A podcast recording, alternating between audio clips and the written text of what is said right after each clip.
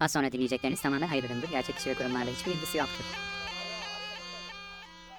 Az önce sepetinin içinde uyuyordu. Bakıcısının dürtüklemesiyle dikiliverdi öfkeyle. Saldırı pozisyonunda kobra dansı başladı. Hepiniz Kobra Gündem'in yeni bölümüne hoş geldiniz. Kobra Biricim nasılsın? İyiyim Kobra ikicim hayırdır? Ee, geçen haftaki avantgard tarzım eleştirilince sen tarafından bu hafta böyle mi yapsam acaba dedim. Eleştirilmek mi? Onu duymadan bölüme başlayamıyorum dedim. Bölümümüzün girişi oldu artık neredeyse dedim ya. Sabah Kobra şekeriydi. Biricim! Durabilir miyim bunu yapmadan Kobra Biricim? Bu hem hareket- sana hem yavru kobralarımıza bir ders vermek istedim. Bunun yokluğu nasıl oluyor görün diye. Vallahi şoka soktum beni. Orada hiç beklemiyordum ha. Sürpriz yaptım sana da. Bir senin bu Kobra Bircim'in bir de Seda Sayan'ın telefon numarası vermesi o iş bitmez onlar. İkonikleşti Evet, artık değil mi? Bu da onun yanına yerleşti gerçekten. Lütfen. Kobra Biricim nasılsın? Valla tam tersi senin gibi ben trip atmayı düşünüyordum. Çünkü yavru kobralarımız fark ediyorum ki bizi dinliyorlar. Sağ olsunlar mesaj atıyorlar falan her şeyler. Ama Spotify'dan bile doğru düzgün takip etmiyorlar bizi. Ya da bir Apple Podcast'ten. Veya bir Instagram'dan bir Twitter'dan. Dediğin gibi yavru kobralarımızın bu konuda bir uyarıya ihtiyaçları var Kobra Biricim ki bu haftaki bölümümüz artık sınırları aşmış. Ee, zaten Avrupa'nın çeşitli yerlerinde Amerika'da dinleniyorduk ama Bu hafta İsviçre, Fransa ve Azerbaycan'da da dinlenmeye başlamışız. E yani. Azerbaycan'da ikinci olmuşuz hayatım eğlence haberlerinde. İnanılmaz. Türkiye'de zaten hep birinciyiz eğlence haberlerinde hava atmak gibi olmasın. Bizim için dinlenmek yeterli bu arada yani şahsi Evet. olarak. Yani sesimizin ulaşması, fikrimizin, görüşümüzün, kahkahamızın en önemlisi ulaşması bizim için yeterli. Ama ne yazık ki artık biz bu işi 3-4 yıldır yapıyoruz ve karşılığını almak istediğimizde, maddi karşılığını almak istediğimizde sayısal verilerle dönüş yapmak mecburiyetindeyiz bazı konularda ve bu sayısal veriler e, maneviyatta hissettiğimiz sonuçları maddiyatta gerçekçi yansıtmıyor gibi görünüyor. o yüzden biraz da tuşlara basalım lütfen. Evet bu kadar çok dinlenirken takip tuşuna basılmaması çok enteresan ama biz de bunu yapıyoruz. YouTube'da beğendiğimiz kanallara abone olmuyoruz falan ama asla yapmayalım. Biz de bundan sonra YouTube'da beğendiğimiz her şeye abone olacağız. Siz de lütfen Kobra Kobra'ya abone olun. Ben bu işe başladığımdan beri çok hassasım biliyor musun o konu? Beğendiysem eğer 3 videosunu izlediysem hemen abone oluyorum. Çünkü- Dördüncü izlememe gerek yok yani. Çünkü Ama- öyle yani. yapmalıyız. O zaman Twitter'ımız Kobra Pod, Instagram'ımız Kobra Kobra Podcast diye hatırlatalım. En önemlisi siz sponsor bulamasanız da hiç önemli değil. Kobralarımız biz size gönlümüzden o kopanları cebimizden de kopartırız diyebileceğiniz Kreasus hesabımız Kobra Kobra Podcast diyelim. Ya insan her hafta her bölüme özel bir Kreasus duyurusuna bari çıkartır bir Saygı bir değil mi? 30 lira gönderir ya. Ne bu yani? Bir kahve parası değil artık 30 lira ya. Hakikaten yani. Evet Lütfen. kesinlikle. Diyelim ve haydi gündeme yine yoğun, yine yoğun, yine bomba. Bomba.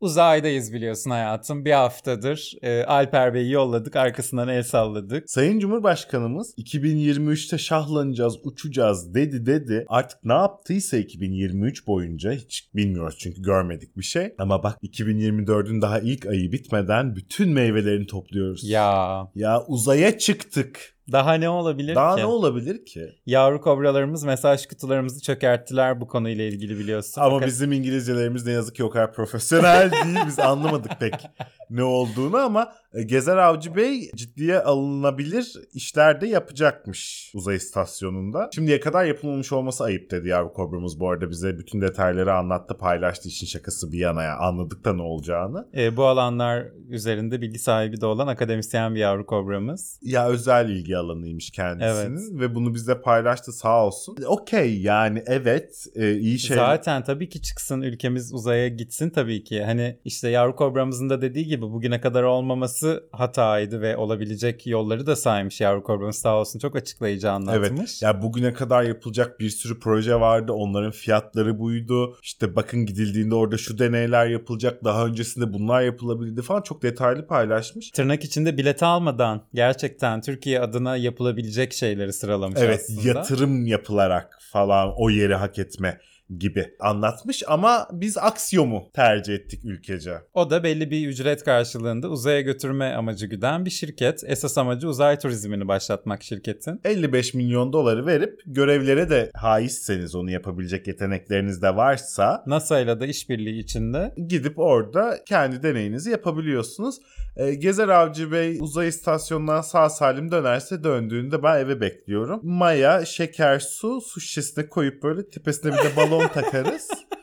Benim Bakalım. evde de deney yaparız yani. Ben de çok severdim deney yapmayı Gezer Avcı Bey gibi. Gelsin evde kendi deneyim. Nohut çimlendiririz onunla pamukta falan. Oo neler neler. harika. Bu arada merama yenik düşüp Kubbe'ye de gittim. Taksim, Taksim'deki. Meydan'daki. Evet. Bugün hatta tazecik. Ne vardı içinde peki hayatım? Ee, ilk girdiğimde ya burası acaba mescit olarak mı kullanılıyor dedim. Tamamen halı kaplıydı. Fakat üstünde armutlar vardı. İlginç bir festival havası verilmiş. Armut denince çünkü öyle bir çağrışım yapıyor. Kafamı bir kaldırdım gökkuşağı. İnanılmaz. İnanılmaz. dedim ta- aa, bir de Taksim'de olunca aa dedim yanlış yere mi geldim ben? Dedim Aa, yani. O- hassasiyetler yerle Aa, eksan. bütün hassasiyetlerime dokunuldu. İnanamadım. İnanılmaz. İnanamadım. Başka da hiçbir şey yok bu arada. Bir Başka- naylon tavan. Üstünde gökkuşağı renkleri yansıtılmış. Yerde halı. Armutlar kapıda bu arada görevli olduğunu sandığım diyeceğim. Çünkü sivil kıyafetlilerdi. Aksi bir müfettiş edasıyla gittin görevlilere ve sordun içeride ne var diye. Dedim yani evet burada dedim ahlakımızı mı bozacağız sadece gökkuşağına mı bakıyoruz dedim. Dediler ki yok e, video izletiliyor. Peki dedim ne var? Dedi ki e, Gezer Avcı Bey'in belgeseli bir de uzayı gösteriyoruz dediler. oh Daha ne? daha Yattığın yerden uzay keyfi işte hayatım daha ne yapsın bu 5 hükümet kuruş bize? daha verip bir teleskop koyup insanların gözünü dayatamamışlar orada. Tabii o da bir Videosu. seçenek tabii. Yani videosunu izletmektense. Ama videosu dururken hayatım biliyorsun video prodüksiyon çok seviliyor. Bugünlerde de çok revaçta. Ee, neden olmasın? Özellikle evet hükümetimiz pek seviyor video prodüksiyonlarını. Bu son seçimden beridir de hele. Bırakamadılar Teknofest. işini. Teknofest. Teknofest tam olarak. Uzay istasyonunda Gezer Avcı'nın ilk sözleri Yüce atamızın sözüyle bu anı başlatmak istiyorum. Türkiye Cumhuriyetimizin kurucusu Mustafa Kemal Atatürk'ün dahiyane sözü istikbal göklerdedir. oldu. Bu hemen herkesi ayılttı, bayılttı. Ay Gezer Avcı, Atatürk yaşasın. Herkes birer Yılmaz Özdil'e dönüştü bir anda. Ama tabii Türkiye'de biliyorsun ki her cephenin bir karşı cephesi hemen oluştuğu gibi. Beyefendiye karşı da bir grup cephelendi. Dedi ki Aa, Atatürkçü Atatürkçü çok seviyorsunuz ama ip var dedi. Evet. Bu arada olabilirdi.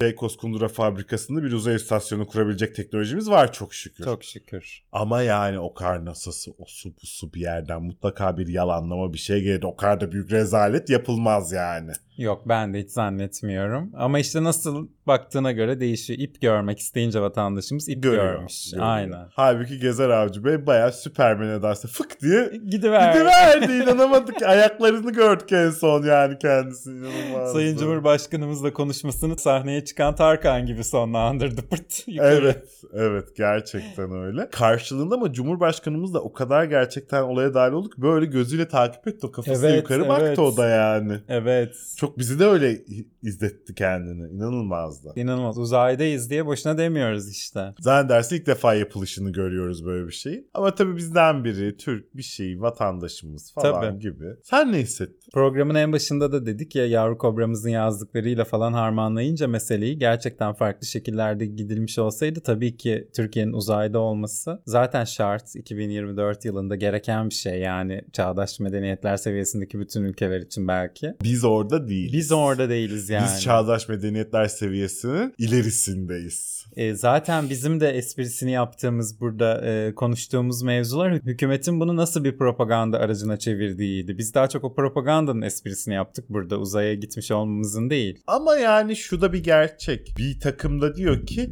gerçekten şimdi mi? Yani Bir yandan 55 milyon dolar diyor yani ve 75-80'e kadar çıktığı konuşuluyor bu miktarın. e ne olacak? Sarayın bir saatlik mi iki saatlik mi harcaması? Falan bir yandan da yani. Yani bizim devletimizin hiç ne diyecek 55 milyon dolar? Hiçbir şey. O yüzden böyle o kadar kendi perspektifimizden bakmamak lazım bu olaylara. Ama dediğim gibi ben bireysel olarak hiç beni ne Olumlu ne olumsuz hiç hiçbir etkili. şey hiç evet. yani. Ey, gittiler uzaya. Çünkü yani Bağımız o kadar koptu ki ama zaten işte kaç bölümdür hep söz ediyoruz ya. bir de uzaya gitmek artık ne bileyim yani şuradan Atina'ya gitmek gibi falan bir şey oldu ya bir de artık. Evet. Hani o yüzden de çok şaşırtıcı ve ilk defa ve falan büyük de bir şey değil. Şimdiye kadar gidilmesi gerekiyordu. Şimdiye kadar gidilemediği için bugün bu durumdayız. Bugün bu durumdayken de gitmemiz ne kadar mantıklı gibi sorular ister istemez tabii soruluyor yani. Soruluyor yani. Biz belki o kadar böyle kımıl kımıl olmamış olabiliriz ama hayatım Sanayi ve Teknoloji Bakanımız Kacır kımıl kımıl oldu ve çok heyecanlandı roketin fırlatılma anında. Vuh gitti adam. Diye Gitti. şaşkınlığını, tepkisini ortaya koydu. Binince gidiliyor. Ha, Halbuki. ne bekliyordu? Değil mi? Huu, Vallahi gitti. Hani inanılmaz bir olay. İnanılmaz bir olay. gitti adam yani. işler işler bu noktada olduğu için zaten biz de çok bir şey hissedemedik. Şey mi düşündü hani böyle çizgi filmlerdeki gibi roket gidecek adam orada kalacak falan böyle binememiş meğersem içine falan. Samimi bir tepki çok çok. Çok, içten ama İçten. AK Parti'nin zaten bir numaralı meselesi. o. İçtenlik, Tabii. samimiyet değil mi? Bizden tepkiler. Tabii. Ama en bizden tepkiyi en bizden isim Rasim Ozan Kütahyalı var. Tabii. Tabii. Her zaman. Her zaman. Konu uzay olunca Uzmanlık alanlarından bir tanesi biliyorsun. Futbol gibi uzayda. muhakkak. Başörtülü annesi dualarla Alper Gezer Avcı'yı uzaya uğurluyor. Bismillah ile yola çıkıyor. Uzayda ise Gezer Avcı'nın ilk sözü istikbal göklerdedir oluyor. Uzayda Atatürkçü bir konuşma yapıyor. İslam ve Atatürk bütünleşik bir amalgam bugün. demiş. Eyvah. Ne demek? İslam ve Atatürk amalgam mıyım? Amalgam mı? Amalgam. Hayır bir de eliniz yani klavye dediğin şey çok riskli bir şey. Eliniz sürçtüğünü düşünsene. Eyvahlar olsun. Eyvahlar olsun. Ama Rasim Bey seviyor iki cepheyi de aynı anda karşısına almayı bazen. Rasim Bey ortalık karıştırmayı ve kendinden bahsettirmeyi çok seviyor. Mikser Rasim. Mikser. Çok kuvvetli çözme özelliğine sahip olan civanın metaller ile yaptığı karışım demekmiş. Ya ben amalgam yazınca ağız çıktı bana. Aynen. Bütünleşik bir karışım anlamında kullanmış sanırım Rasim Bey. Bir diş terimi. Diş dolgusu. Bir Evet. çeşit diş dolgusu. Ha. Bu işte eski tip dolgular, metal dolgu. Hı hı. Ya İslam ve Atatürk bir diş dolgusudur demiş. Diş dolgusu gibi bütünleştiler demiş bu hafta. He. Ben şey gibi anladım. Türkiye'yi bir diş olarak düşün. Bir yeri mi çürüdü? Cırt, oyuyorsun orayı. Hemen İslam ve Atatürk'le dolduruyorsun. Tamam. Tamam. Doğrulandı. Dolgu malzemesi Tam olarak. Gibi de sanki öyle yorumlamış gibi geldi bana ise. İslam ve Atatürk bir bütün de bence amalgamı seçmesinin ve bunun özellikle bu dolgu malzemesi için kullanılmasının özel bir sebebi olmalı. Rasim Ozan Kütahyalı beyefendi çok derinlikli bir beyefendi. Muhakkak hiç şüphe götürmez zaten hayatım. Burada demek istediği şey Budur. bir yer çürükse Türkiye'de orayı hemen oyup Atatürk ve İslam'la doldurdu mu sorun çözülüyor demek istemiş bence Rasim Bey. Müthiş, müthiş bir zeka, müthiş bir kalem. Gerçekten. Sen bak neyi al nereye ama başörtüsü, bismillah, istikbal göklerdedir, İslam Atatürk. Neymiş bunlar? Amalgam. Yeni kelimemiz. Yeni kelimemiz. Diş hekimleri düşünsün şimdi. Misafirimiz vardı bu hafta Kobra Biricim biliyorsun. Ee, Biz uzaya gittik. İtalya'dan da başbakan geldi. Meloni Hanım geldi. Kendisini de İlber Ortaylı gezdirdi Kapalı Çarşı'da biliyorsun. O da ne seviyor insan gezdirmeyi. Çok. Tarih profesörü mü, turist rehberi mi belli değil yani.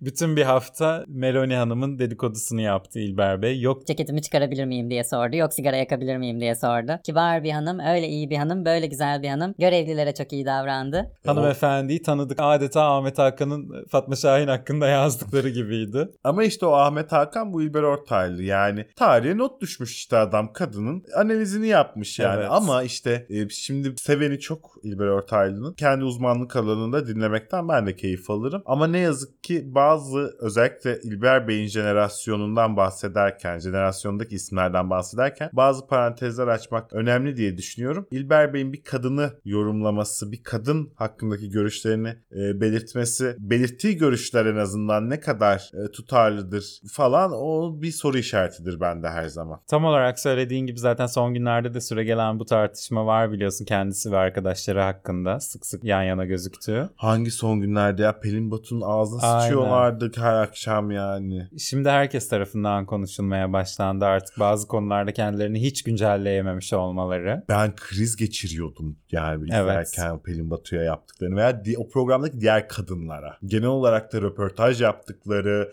cevap verdikleri, muhatap oldukları da neredeyse bütün kadınlara. Meloni Hanım'a iyi davrandı herhalde. E koskoca İtalya Başbakanı tabii. E tabi Meloni neden Türkiye'ye geldi sorusu gündem oldu hayatım. Türkiye'de de yeni moda biliyorsun her şeyi mülteciler üzerinden okumak. O yüzden ister istemez böyle bir ay acaba Avrupa Birliği bize daha da mı mülteciyi kakalayacak gibi endişe Yarış, yaşandı yani bu yaratıldı Twitter'da hatta. Evet. İlber Bey de bu endişelerin yersiz olduğunu söyleyerek Bu konuşulanlar sosyal medyada yayılanlar anlaşılır gibi değil. O gün kapalı çarşı gezisinde İtalya Başbakanı Sayın Meloni ile göçmenlerle ilgili bir şey konuşmadı. Bizdeki Afrikalılar size gelecek aman hazır olun. gibi bir söz söylemedi. Bu konu Türkiye'de nereden çıktı? diye bir açıklamada bulunmuş. İlber Bey acaba e, siz herhangi bir devlet yetkilisi, Dışişleri Bakanı, bürokratı veya İçişleri Bakanı yani hani anladın? Niye söylesin zaten değil mi? Böyle bir şey Yani. varsa da yoksa da. İş bana bak.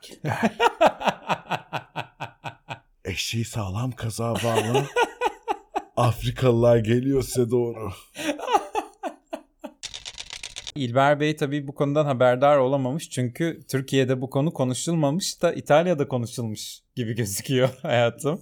Türkiye'de konuşulduğundan çok İtalya'da konuşulmuş. Türkiye'de konuşulduğundan daha ciddi ve sanki böyle bayağı basılı yazılı Basında konuşulmuş Yani. yani. Meloni Hanım cumartesi günü Sayın Cumhurbaşkanımızla da görüştü biliyorsun İstanbul'da. Bu konuyla ilgili Il Giornale gazetesi Başbakanın imzaladığı anlaşma Sultan Erdoğan'ın büyük nüfus sahibi olduğu Libya'dan çıkışları durdurmayı amaçlıyor. ifadeleriyle Bizi şoka soktu. Libya'dan çıkışları mı amaçlıyor, İtalya'ya girişleri mi engellemeyi amaçlıyor onu tabii tartışılır. Çünkü genelde Avrupa ülkelerinin anladığımız kadarıyla meselesi insanların ülkelerinden çıkmaları değil de kendi ülkelerine gelmemeleri gibi görünüyor. Daha çok dert edilen şey oymuş gibi duruyor değil mi? Ama tabii ki bu başlıkta en önemlisi e, Sultan Sayın Erdoğan, Sayın Cumhurbaşkanımızdan Sultan diye bahsedilmesi göğsümüzü nasıl kabarttı? Ben de tam tersini söyleyeceğim. Sayın Cumhurbaşkanımız gibi ileri demokrasinin olduğu bir ülkede dünyada görüp görülebilecek en demokratik, en eşitlikçi, en böyle adil yarışın olduğu bir ülkede %50'nin üzerinde bir oy alarak seçilmiş ve %100'ün üzerinde gönüllere taht kurmuş bir insanın, bir cumhurbaşkanının böyle efendime söyleyeyim sultan gibi tanrıdan görevlendirilmiş işte falan benzetmeler yapılması ben hiç yakıştıramadım. Hayır efendim Sayın Cumhurbaşkanımızı biz seçtik, bile isteye seçtik, oyumuzu vere vere seç. Öyle sultan gibi, efendim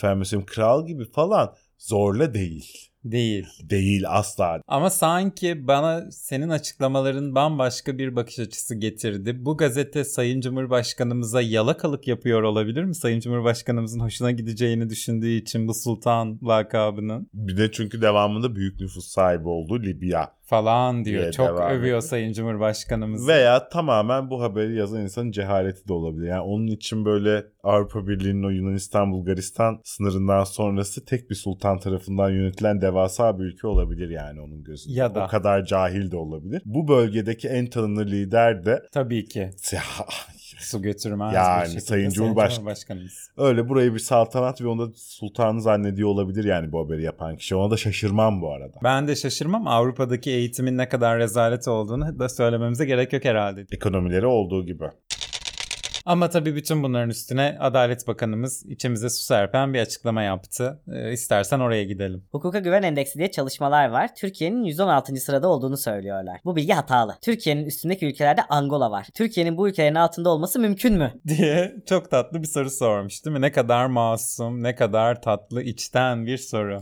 Bu soruyu ama tam tersi ona sormak gerekmez mi? Yani bizim bunu ona Evet, soruyor olmamız gerekmez mi? Türkiye'nin üstünde Angola var neden diye yani. Mümkün mü bu nasıl mümkün oluyor böyle bir şey diye sormak lazım kendisine. Angola'da da demokrasi geriye gidiyor demek ki hayatım ki biz ileri demokrasimizle yerimizi koruyoruz bu listede yıllardır. Ya bu hiç bir tarafından tutamazsın bunu 116. sıra diyor. Yani. Kobra Ekicim yapma, yani. Yapma. Yeni dönem bakanlar böyle ama. Milliyetin Bakanı çıkıyor diyor ki ki eğitimde de bu halde miyiz? Adalet Bakanı çıkıyor diyor ki bizim üstümüzde Angola mı var? Falan öyle, Öyle, var. Mümkün var, hakikaten mümkün. böyle bir şey ya? Mümkün demek ki. Öyle yani. Ya bu dış minnakların bir oyunu ülkemiz üzerinde oynadığı karalama kampanyası. Ya da senin dediğin gibi hep yönlendirmeli soru soruyorlar. Tabii. Yani deseler ki mesela Sayın Cumhurbaşkanımız Türkiye'de halka hukuka güven duyurtabiliyor mu diye sorsa bak nasıl birinci sıradayız. Yani ama işte e, sorular hatalı olabiliyor. Bakan Bey doğru söylüyor olabilir. Yani bu kesinlikle Mümkün değil. Mümkün. Angola'nın çünkü üstümüzde olması Angola çünkü hakikaten. Yani Bakan Bey'in bile dikkatini çekecek kadar. Angola absürt yani, evet. Angola yani çünkü ya bir zamana kadar kabile falan diye biliyorduk oraları. Hadi Sağlık Bakanı'na gidelim. Adalet Bakanı'ndan Kobra Biricim. Bakanlara başlayınca biz bakan bakan gezmeyi severiz biliyorsun. Onlar da ısrarla bakmamayı seviyorlar. Çünkü bak Dünya Sağlık Örgütü çıktı X hastalığı diye bir şey duyurdu. Ben bunu ilk şey zannettim. Twitter, bağımlılığı. ben de. ben de öyle sandım. Sonra girdim gördüm ciddi virüslü mürüslü bir şeymiş. Ve çok ölümcül. ıvır zıvır bir sürü şeyler söylediler. E, Sağlık Bakanı da aynı bizim ciddiye aldığımız kadar almış olayı. Nasıl ki ben ıvır zıvır dediysem kendisi demiş ki Farzi muhal hastalık, Dünya Sağlık Örgütü'nün verdiği isimli X hastalığı gerçek hayatta karşılığı yok. İleride bir gün bir salgın yaşanacak olursa ona hazırlıksız yakalanmamak için yapılan çalışmalarda teorik anlamda geçiyor. Siz rahat olun ve kendinizi soğuk algınlığından koruyun. demiş. Ya kendisi Covid'de yok diyor biliyorsun. Bu son günlerde yaşanan acillerin yoğunluğunu, yoğun bakım e, gereksinimlerinin %100 artmasını olağandır, soğuk algınlığıdır. Mevsimsel. Mevsimseldir, korona morona yok diyor kendisi. X de yok demiş. Herhalde şey metaverse hastalığı bu. Bu muhtemelen. Çünkü demiş gerçek hayatta karşılığı yok, Yok. demiş yani. Herhalde bilgisayar virüsü. Bilgisayar virüsü bu. Bizim zannettiğimiz gibi zannettiyse o da. E, Bakan herhalde Fahrettin Bey demiş ki benden çok e, teknoloji bakanını ilgilendiriyor bu mesele demiş ya. Uzay adam göndereceğine X virüsüyle uğraşsın demiş. E o zaman biz de kendisine güveniyoruz. Gönlümüz rahat. Kendimizi soğuk algınlığından koruyoruz. Gerisini de Allah'a bırakıyoruz değil mi Kavri Bilcim? Onların Tabii. Dünya Sağlık Örgütü varsa bizim Fahrettin Kocamız var. Sayın Cumhurbaşkanımız var. Allah'ımız var. Aynen öyle. Çünkü belli ki Allah'a kesinlikle ihtiyacımız var. Çünkü doktorlar ve Sağlık Bakanlığı belli ki Kapsam alanı dışında. yani Sağlık Bakanı çünkü yani doktorları şu yüzden dahil ediyorum olaya. Bakanlık bir şey yapmadığı sürece ne bireysel olarak ne yapabilirler? Nereye kadar Evet. yapabilirler yani? Allah korusun. Evet. Allah korusun. O da Diyanet İşleri Ba- Başkanı'nın meselesi. Hadi geçen haftanın en büyük dedikodusuna gidelim. Programımızı çekerken son dakika öğrenmiştik biliyorsun. Ve e, hemen bültenimizde yer vermiştik. Hafize Gaye Erkan. Kendisi ailesinin banka çalışanlarına talimat verdiği ve bankaya ait tesislerin aileye tahsis edildiği iddialarını yalanladı bu hafta. Kaldı ki hiç de böyle bir şeye ihtiyacı yokmuş. Hanımefendinin apartmanları varmış yani. Evet. Tam olarak müthiş şaheserdi dedikleri gibi Şişli'de bir apartman yoksa eğer. Halin yaman. Yaman. Um, Ya kiralardan dert yanarsın öyle Ahmet Hakan'a değil mi? Amerika'daki iş çevreleriyle yaptığı görüşmeler esnasında bu haberleri öğrendiğini söylemiş Erkan ve görüşmelerin son derece verimli geçtiği ve iddialarla ilgili yasal haklarını kullanacağını belirtmiş. Böyle şeyler yokmuş yani. Gazeteci Erdal Sağlam da bu konuyla ilgili bir yazı yazmış Erkan'ın görevde kalmasının artık çok zorlaştığı anlaşılıyor. demiş yazısında. Ama Uğur Dündar belli ki aynı fikirde değil kendisiyle. Değil. Kendisi Merkez Bankası Başkanı Gaye Erkan'ın emzirdiği bir bebeği var. Bakıcı tutmak yerine anne babası bebeğe bakıyor. Onlar da emzirme saatlerinde işler aksamasın diye kendisiyle birlikte bankaya gidip geç saatlere kadar orada kalıyorlar. Bir banka çalışanı birkaç gündür Gaye Erkan'ın babasıyla ilgili iddialar dile getiriyor. Bunlardan biri de baba Erol Erkan'ın bir personeli tokatladığı iddiası. Ancak Ocak ayı başında Kübra isimli bir personel anne Gamze Hanım'a bir WhatsApp mesajı gönderiyor ve kul hakkından korktuğunu belirterek böyle bir iftira atılacağını haber veriyor. gibi böyle o yazmış, Yazmış da yazmış. yazmış. Bu tabii çok minnoş bu,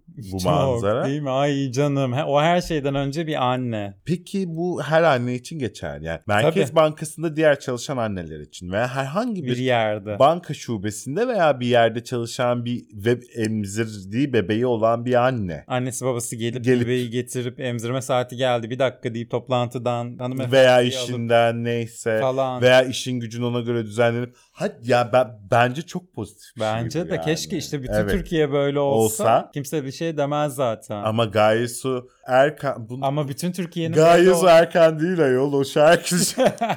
Gaye Su Akyol'du o hatta. Neydi? Hafize Gaye Erkan. Hafize. Gayet harika. O kadar minnoş ki çünkü anlatabiliyor Bir hayatı var ki annesi babası gidiyor bebeğini getirip emzirtiyor annesi tutup babası onun yerine imza atıyor falan. Biri kovulacaksa babası kovuyor. Hiç elini tatlı sıcak soğuk suya sokmuyor. Tam bir gayesi yani. Hafize hiç olmamış hanımefendi. Tam işte ortalama bir Türk insanı Ahmet Hakan'ın dediği gibi. Olaya bak ya. Ya şimdi de hayal ediyorum da mesela bir, ya içinde bulunduğum banka şubelerini hayal ediyorum mesela. Her birinde birer anne baba birer de İşte E, işler nasıl falan. sarpa sarardı. Bütün Türkiye'de iş, işleyiş dururdu yani anladın mı? Öğretmenleri düşün, polisleri düşün. Hepsinin anne babası yanlarında falan hani e, distopik bir film senaryosu Çevik kuvvet helikopterler falan bebekle böyle meme saati gelecek bebeğin diye. O yüzden bu hiçbirimizin sahip olmadığı hakka neden Hafize Gaye Hanım sahip? Burada sorulan soru bu zaten. Tabii biz buna bu açıdan bakıp gülüyoruz. Karşılığında buna işte sabahın altısında e, sütünü sağıp e, buzdolabına koyup evden çıkan anneler açısından baktığında hiç de komik bir vakada değil E, açıkçası. hiç değil tabii ki Yani. işte korkunç. Korkunç. Sö- Zaten söylediğimiz de bu yani. Tam olarak evet buna absürt bir yerden dikkat çekiyoruz. Hafize Hanım tabii ki yapmadım diyorsa yapmamıştır bu arada. Ee, böyle bir şey yok diyorsa asla zaten. Bu meseleden henüz bir sonuç çıkmadı bunların aksine. Hafize Hanım yasal hakkını sonuna kadar kullanacağını belirtti. Yani bunlar bizim meselelerimiz değil zaten. Zaten. Ne Merkez Bankası'nı ne doları ne Türk lirasını ben bıraktım takip Ben de. Yani artık aç mezarı yok dedim. Varsa da ilk giren biz olacağız dedim ve konuyu kapattım yani. Gelelim esas meseleye. Gelelim. Gelelim seçim. Seçim. Seçim Seçimler seçim. çok yakın. Çok yakın seçimler ve Murat Kurum bir bir vaatlerini açıklamaya başladı. Yükselen Yıldız Uzay Kurum demiştin sen geçen hafta. Bu hafta yine genel ismine geri dönüyoruz. Kentsel Kentsel, dönüşüm- dönüşüm alanında yüksek lisansı olan Murat Kurum. Evet bu hafta da o personasındaydı değil mi? Tekrar evet. İlk açıklaması şu oldu. Sellerde, yangınlarda, depremlerde nasıl çalıştıysak İstanbul'da da tek bir riskli yapı kalmayıncaya kadar aynı şekilde çalışacağız. Tabii hepimizin gönlüne su serpen açıklamalar değil mi? Oh dedirten, çok şükür güvendeyiz hissini veren. Keşke saymasaydı tek tek. Sel, Keşke. yangın, deprem diye. Çünkü yani sel denince Karadeniz, yangın denince Akdeniz, deprem denince de Güneydoğu Anadolu bir anda insanın gözünde canlanı veriyor. Ve oradaki muhteşem performans güven veren. Ama doğru söylüyor bak. Bir tane riskli yapı kalmadı hiçbir. Evet. Hepsi yıkıldı yani. Yani sel olan olma riskli bölgelerde artık ne sel riski taşıyan bina ne yangın bölgelerinde yangın riski taşıyan bina ne de deprem bölgelerinde deprem riski taşıyan bir tane bile bina kalmadı. Bir tek İstanbul kaldı. Kendisi Onu de zaten onu da 3 milyon yeni konusu yaparak bizleri de buradan gönderip buradaki evleri yıkarak yapacağını söylemişti. Ama bu zamana kadarki sellerde, yangınlarda, depremlerde nasıl çalıştılarsa, öyle yapacaklarsa bu işi Harika oh, işte diyorum oh, ya. o tabii. Daha ne Daha zaten. ne? Muhteşem. daha ne tabii. Güvendeyiz. İstanbul'da hiç merak etmeyin. Emin bir tane riskli yapı kalmayacak. Kalmayacak. Hiç, hiç şüphem yok.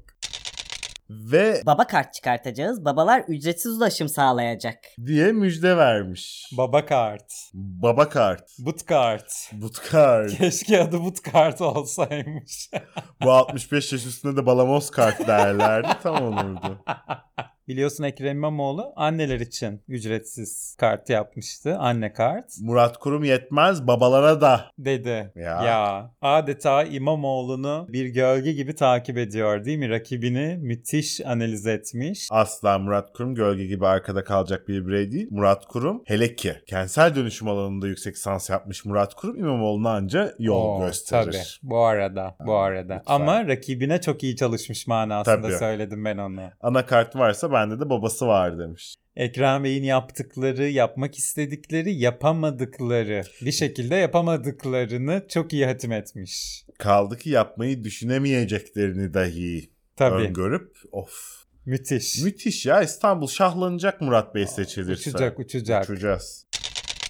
Ekrem Bey'e de yeni bir montaj yapmışlar bu hafta. AK Parti'nin yaptığı metroları durdurdum. Bütün İstanbul'u mahvettim. Bana yeniden oy verin. falan gibi konuşan bir Ekrem İmamoğlu videosu izledim. Şaşırdık mı? Asla. E haber değeri bile taşımıyor bence artık bu video montaj olayı. Ama işte AK Parti öyle bir parti hayat. Nasıl ki her zaman seçimler söz konusu olduğunda bir trendsetter AK Parti. Seçim müziğini ilk kullanan parti diye hep söylerler. Bayraktı, mitingde oydu bir hani bu tarz yöntemleri çok iyi kullanıyor diye. İşte bu da yenisi. Yeni propaganda, yapay zeka ile entegre, muhteşem. 21. yüzyıl. Bir de tabii bunlarda dezenformasyona da mahal vermeyelim. Bunlar e, Fahrettin Bey'in ekibinin olduğu düşünülen Twitter hesaplarından yayılan videolar. E, Fahrettin Bey'in ekibinden olmadığı düşünülen Twitter hesaplarından da Henry Cavill'in duş fotoğrafları yayınlanıyor yani. Evet. yani ikisi de aynı hayal gücü Bu yapay zeka korkunç yerlere gidiyor değil mi Kobra Bircim gerçekten? korkunç. Bir gün Ekrem Bey'i de duşta yaparlarsa eyvah. Şimdi gelelim hadi İstanbul'dan çıkalım. Çünkü Genele. ya her yerde bir seçim havası var Türkiye'de. Sadece İstanbul'dan ibaret değil mevzu Kurum ve İmamoğlu'yla. Bitmiyor. Özel Kılıçdaroğlu'yla bir yemek yedi. Eski dostu. E, ama Kılıçdaroğlu Bey biliyorsun bu ara öyle yemekler içmekler yani. Davetler, Davetler, sohbetler. sohbetler, felsefe, tarih öyle mevzular. Ee, Sözcü'nün kulis haberine göre biz kapı dinlemedik bu hafta. Yerel seçim için sahaya inmesini istemiş. Özel. Ee, Kılıçdaroğlu da yok inmeyeceğim demiş. Ben sohbete devam. Demiş. Herkes için de daha hayırlı bile olmuş olabilir. Özgür Bey hayır desin diye bile bu teklifte bulunmuş olabilir yani. Olabilir. Ona da bizim aklımız ermez. Ona e, Lütfü Savaş'ı Hatay'da aday gösteren Özgür Özel'in aklı çok güzel erer ama. Erebilir. Aynen öyle. Hiç merak etme yani. Tamam. Manyak oyalıyor diye Lütfü Savaş'ı tekrar aday gösteren Özgür Özel'in aklı alır, onu. Dem Parti. Sola doğru yola çıktık diyorsun. Aynen. Gidelim Dem Parti'ye. Dem Parti yönetimi Selahattin Demirtaş'ın İstanbul'da partinin kendi adıyla yarışması fikrini parti yönetimine ilettiğini açıkladı. Ee, ve bu ismin de Başak Demirtaş olacağı konuşuldu. Başak Demirtaş da konuyla ilgili bir açıklama yaptı. Dem Parti'den öneri gelmedi ama halk ister partimizde uygun görse düşünebiliriz. Demiş Medyascope'un kulis haberine göre. Bu hafta kapı dinleme haftası. Ama tabii ihtimalin düşük olduğunu da söylemiş Medyascope. Neden olmasın? Yani neden Ne? olmasın? Ya bu şey mevzu geçen gün bir arkadaşımla konuşuyordum. Ondan duyunca mantıklı geldi. Bütün partiler bir araya gelip CHP seçimi kazandırmak zorunda mı ya? Hiç değil. Maçoğlu aday çıkmasın. E Dem Parti aday çıkarmasın. E İyi Parti aday çıkarmasın. O çı- bu partiler niye var o zaman arkadaşım? Sana seçim kazandırmak için mi? Herkes çıkarsın kendi adayını. Sen de çıkarsın. Varsa gücün kazanırsın yani. Bu kadar. En çok oyu alanın kazandığı 50 Yani. artı bir şartının olmadığı %25 ile bile kazanılabilecek bir seçim. Aynen öyle. Herkes alsın 25'ini 23'ünü otursun. Neyse çıksın herkes ortaya Aynen yani. öyle. Birinin 50 almasına gerek yok yani. Hayır bu kadar yani birbirinden farklı şimdi. Bu bir şey değil ki zaten aynı görüşte olsa aynı Zaten. parti çatısı altında olursun yani. Birbirinden farklı görüşte insanlar. Seni desteklemiyorlar diye küsmenin bilmem neyin ne anlamı var yani? Bir yandan- Mecburmuş gibi davranmak hele o kadar anlamsız ki. Sayın Cumhurbaşkanımız da bu iki partiyi birbirine çok yakıştırıyor ve bir önceki Cumhurbaşkanlığı seçiminden beri terörle ilişkilendiriyor biliyorsun. O propagandanın da tuttuğunu görmüştük geçen seçimde. Acaba onun karşısı bir şey mi demek diye çalışıyorsun. Yani işte Ama- aday gösterseler de bir şey bulacak Sayın Cumhurbaşkanımız. Çünkü Göstermeseler de bulacak. Göstermeseler de bulacak. O yüzden ona çok dikkate almadan ne yapıyorlarsa yapıyorlarmış gibi de gözüküyor zaten. Bence birazcık da dikkate alıyorlarmış da yapıyorlarmış gibi görünüyor. Çünkü e, bütün bu konular konuşulurken Demirtaş'a annesinin sağlık durumu e, ağırlaştığı için özel uçakla Diyarbakır'a götürülüp getirildiği haberleri çıktı.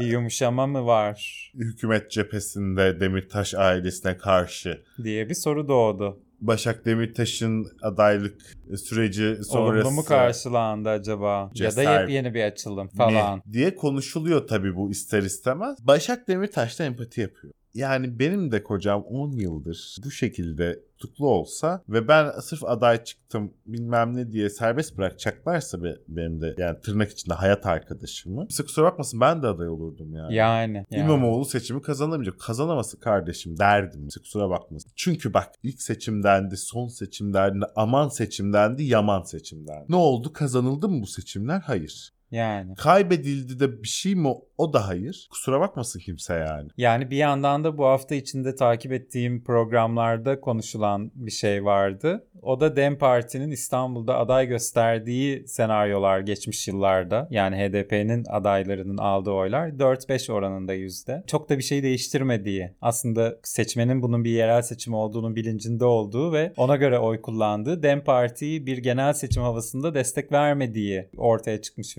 verilerle. Bir de şöyle DEM Parti seçmenini zaten İstanbul seçmeni ve e, Doğu seçmeni diye de ayırmak lazım. Çünkü ikisinin yerel seçimlerde de genel seçimlerde de şeyleri çok farklı oluyor. Motivasyonları ve aksiyonları. O yüzden İstanbul seçimlerinde DEM Parti'nin parti olarak aldığı tavır İstanbul'daki seçmeni ne kadar etkileyecek? %4-5 etkileyecek Ya en yani. fazla.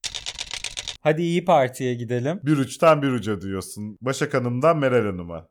Birbirinden 180 derece zıt iki karakter gerçekten. Meral Hanım'ın geçtiğimiz haftaki grup toplantısından niye bahsetmediniz dedi yavru kobralarımız bu hafta. Kendisi çeşitli komple teorilerini gerçekmiş gibi anlattığı bir grup toplantısı yapmıştı. Ee, o yüzden bahsetmedi diyelim yavru kobralarımıza. Bu hafta İyi Parti 3 ilde Büyükşehir Belediye Başkan adaylarını açıkladı. Ankara adayı Cengiz Topel Yıldırım oldu. İstanbul adayı Kavuncu olmuş. Balıkesir adayı da Turhan Çömez olmuş. Hep isimlerini duyduğumuz İyi Partililer zaten. Bunlar en sık duyduğumuz İyi Partililer. Şimdi hangisinin kimin artığı olduğunu ben söylemek istemem, açıklamak istemem. Evet. Yani merak edenler e, Kim bu isimleri diye ya baksınlar. Google'dan aratıp eskiden hangi örgütlerle, hangi partilerle, nelerle nasıl açıklamaları olduğunu çok rahat görebilirler. Başarı dileyelim. İyi olan kazansın diyelim. Kolay gelsin. Kolay diyelim. gelsin diyelim.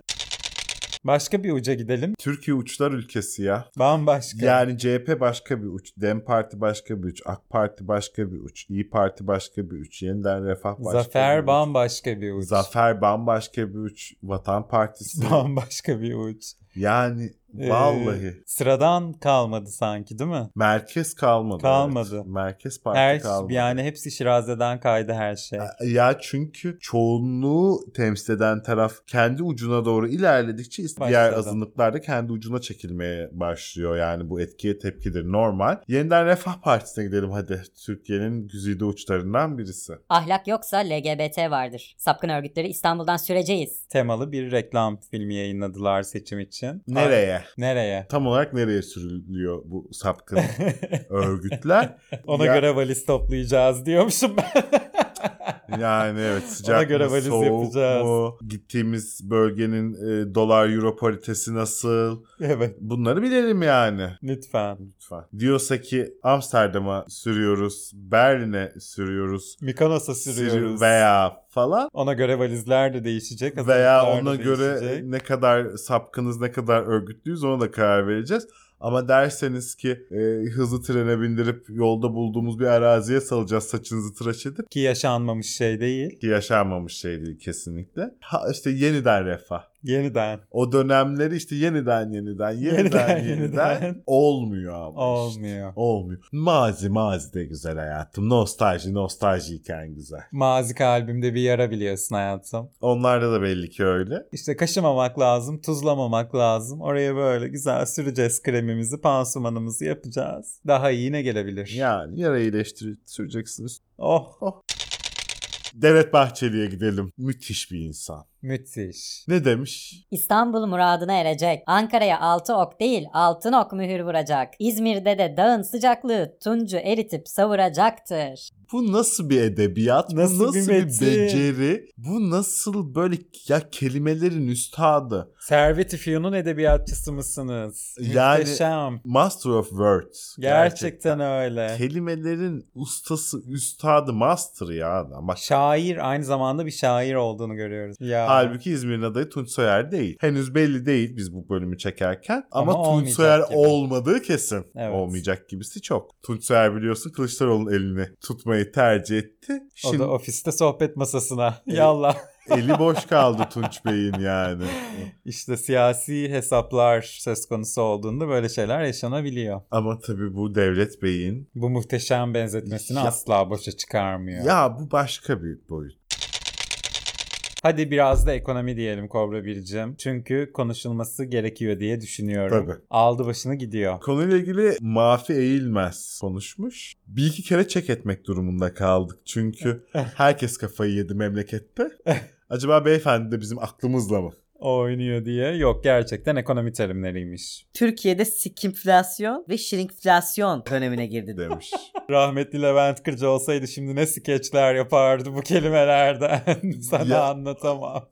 o Çillerin oğlunun sikisiyle yattı, sikisiyle kalktı. Bu skimflasyonla neler yapardı hiç belli. Hiç. Bu şirinkflasyonu belki biraz anlamış. Çekilme, çekme falan. Evet. Skimflasyon neymiş? Hemen istersen açıklayalım yavru kobralarımıza. Skimflasyon şirketlerin ürünün veya hizmetin kalitesini düşürmesi anlamına geliyormuş. Bayağı skimflasyon bir durum. Bayağı korkunç bir durum. Hakikaten durumu tabir edip sonra flasyonu Aynen. koymuşlar yani. Müthiş. Shrinkflasyon neymiş peki? Ürünün gramajının düşürerek maliyetinin azalmasıymış. Yani bir şeyi hem pahalıya alıyorsun hem daha az alıyorsun. Muhteşem. Zaten onu yaşadık ve yaşıyoruz Mafi Bey'in de söylediği gibi. Tam olarak bu dönemden geçiyoruz. Yediğimiz şeyler küçülüyor her geçen gün. Her geçen gün biz de enflasyondan zannediyorduk. Meğer skinflasyondan Enflasyondan hepsi.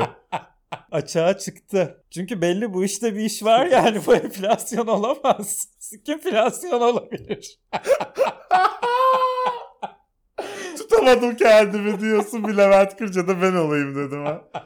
Enflasyon olsa anlardık bu artık başka bir Başka boyutu. bir şey. Enflasyon doğru. Ki onu da anlamamamız ilginç. Ama kimisi de keyif vermiyor. Vermiyor. Diyelim ve haydi Sayın Cumhurbaşkanımızın köşesine gidelim Kobra bir. Gidelim bu hafta Ahmet Hakan köşesi yok çünkü Sayın Cumhurbaşkanımız artık sahaya çıktı. Çıktı. Çıktı. Savulun Erdoğan geliyor. Ve şimdi Cumhurbaşkanı köşesine gidelim. Oley! Cumhurbaşkanlığı köşesi. Evet!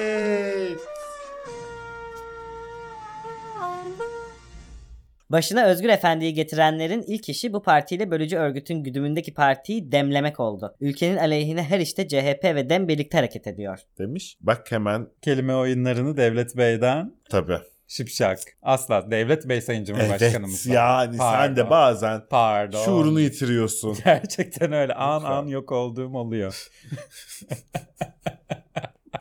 Sayın Cumhurbaşkanımızın en sevdiği meselelerden biri bu gerçekten. CHP ve DEM Parti'nin görüşmeleri. Ama Özgür Bey de son derece şeffaf yürütüyor bu süreci. Bak Bay Kemal'de o böyle Kemal Kılıçdaroğlu'nun falan tavrına yönelik Özgür Özel'e ise Özgür Efendi'yi uygun görmüş. Özgür Efendi evet. Lakabı Özgür Efendi oldu Özgür Özel'in. Ama tabii ki unutamıyor Sayın Cumhurbaşkanımız Kemal Bey'i biliyorsun. Bu hafta kendisinden bahsetmiş bol bol. Gel bakalım Muharrem dediler, FETÖ taktikleriyle tasfiye ettiler, Bay Kemal'i gülah keçisi ilan edip yalnızlığa ettiler. Demiş Sayın Cumhurbaşkanımız. Eski rakiplerini Anmış. almış. Evladır da demiş. demiş ve Bay Kemal hakkında konuşmaya devam etmiş. Bay Kemal'le çok kavgamız oldu ama onun da kendine göre bir tarzı, üslubu ve misyonu vardı. Demiş. Ben bir özlem sezdim buradan açıkçası. Sayın Cumhurbaşkanımız o Kemal Bey'in minnoşluğunu özledi karşısında. Şimdi evet Kemal Bey'in kendine göre bir tarzı ve üslubu vardı da misyonunu ben çok çözemedim. Eğer ki Sayın Cumhurbaşkanımızın bildiği bir misyonu varsa Kemal Bey'in bizle de paylaşsın ki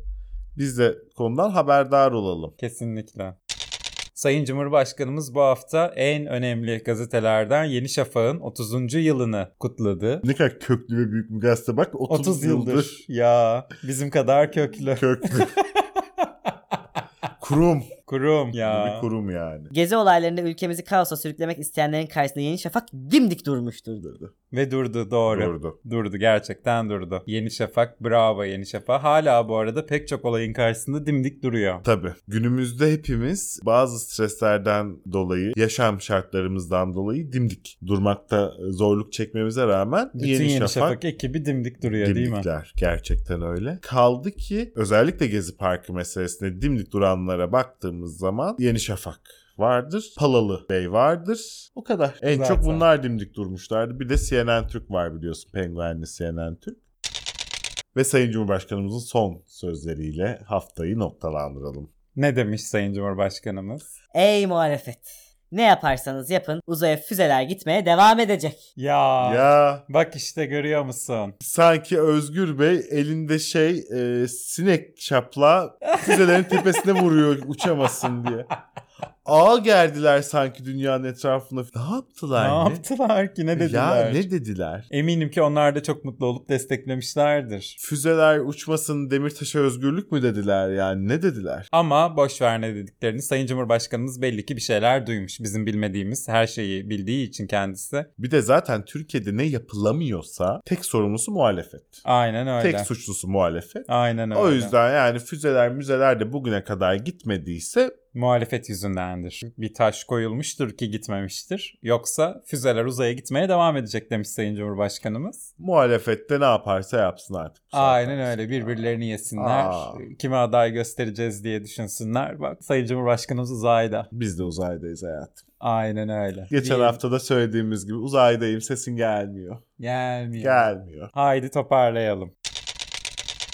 Oh bir bölümün daha sonuna geldik Kobra Bircim. Yorulduk. Yorucu bir gündemmiş. Yorucu bir konulardı. Yine e, bir yıllık gündemi bir haftada yaşadık bitti. Sürçülisan ettiysek affola diyelim. Bu hafta bize uzay projesiyle ilgili yazan yavru kobramız Büyükelçi haberiyle ilgili de bir düzeltme göndermiş. E, Büyükelçimiz Boğaziçi'liymiş ve ben Boğaziçi'nin şartlarını biliyorum. Eğer oraya girip oradan çıkabildiyse İngilizcesi iyidir muhakkak diye bizi düzeltmiş. E biz de zaten geçen haftaki bölümümüzde ne kadar liyakatli bir atama olduğuna %100 eminiz ki beyefendi o görevi yapıyor demiştik. E, aksi bir durum yokmuş. Bizim Yokmuş, dediğimiz evet, gibiymiş. yani. Son derece liyakatli Boğaziçi mezunu bir beyefendi atanmış. Senin geçen hafta söylediğin gibi okuma yazması muhtemelen muhteşemdir. Keşke biraz da konuşma pratik etseymiş değil mi? Biz sadece bunu söylemiştik. Kaldı ki mesleği de çok uygun. Büyükelçilik, konuşma pratiği yapmak için yabancı dilde en uygun mesleklerden birisi. Tavsiye ederim kendisine. Diyelim. Sosyal medya hesaplarımızı bir kez daha hatırlatalım kapatırken. Çünkü en başta biraz şikayetçi olduk arkadaşlar. Hadi bölümü dinlediniz, unuttunuz başta söylediklerimizi. Şimdi bir zahmet takip saati. Takip saati Twitter'dan CobraPod, Instagram'dan Cobra Cobra Podcast yazarak takip edebilirsiniz. Bir de Spotify'dan, Apple Podcast'ten bizi nereden dinliyorsanız bir zahmet lütfen oradan zaten en baştan takip ediyor olmanız lazım. Kreasis hesabımız da var. Burası çok önemli. Hatta burası şokomelli. O yüzden Kreasis hesabımız Cobra Cobra Podcast desteklerinizi bekliyoruz. İşleri bitince sakinleşiyorlar. Sonra yeniden sepete. Neyse ki buna razılar. Aksi halde yılanların öcü durumu ortaya çıkardı. Hadi hadi.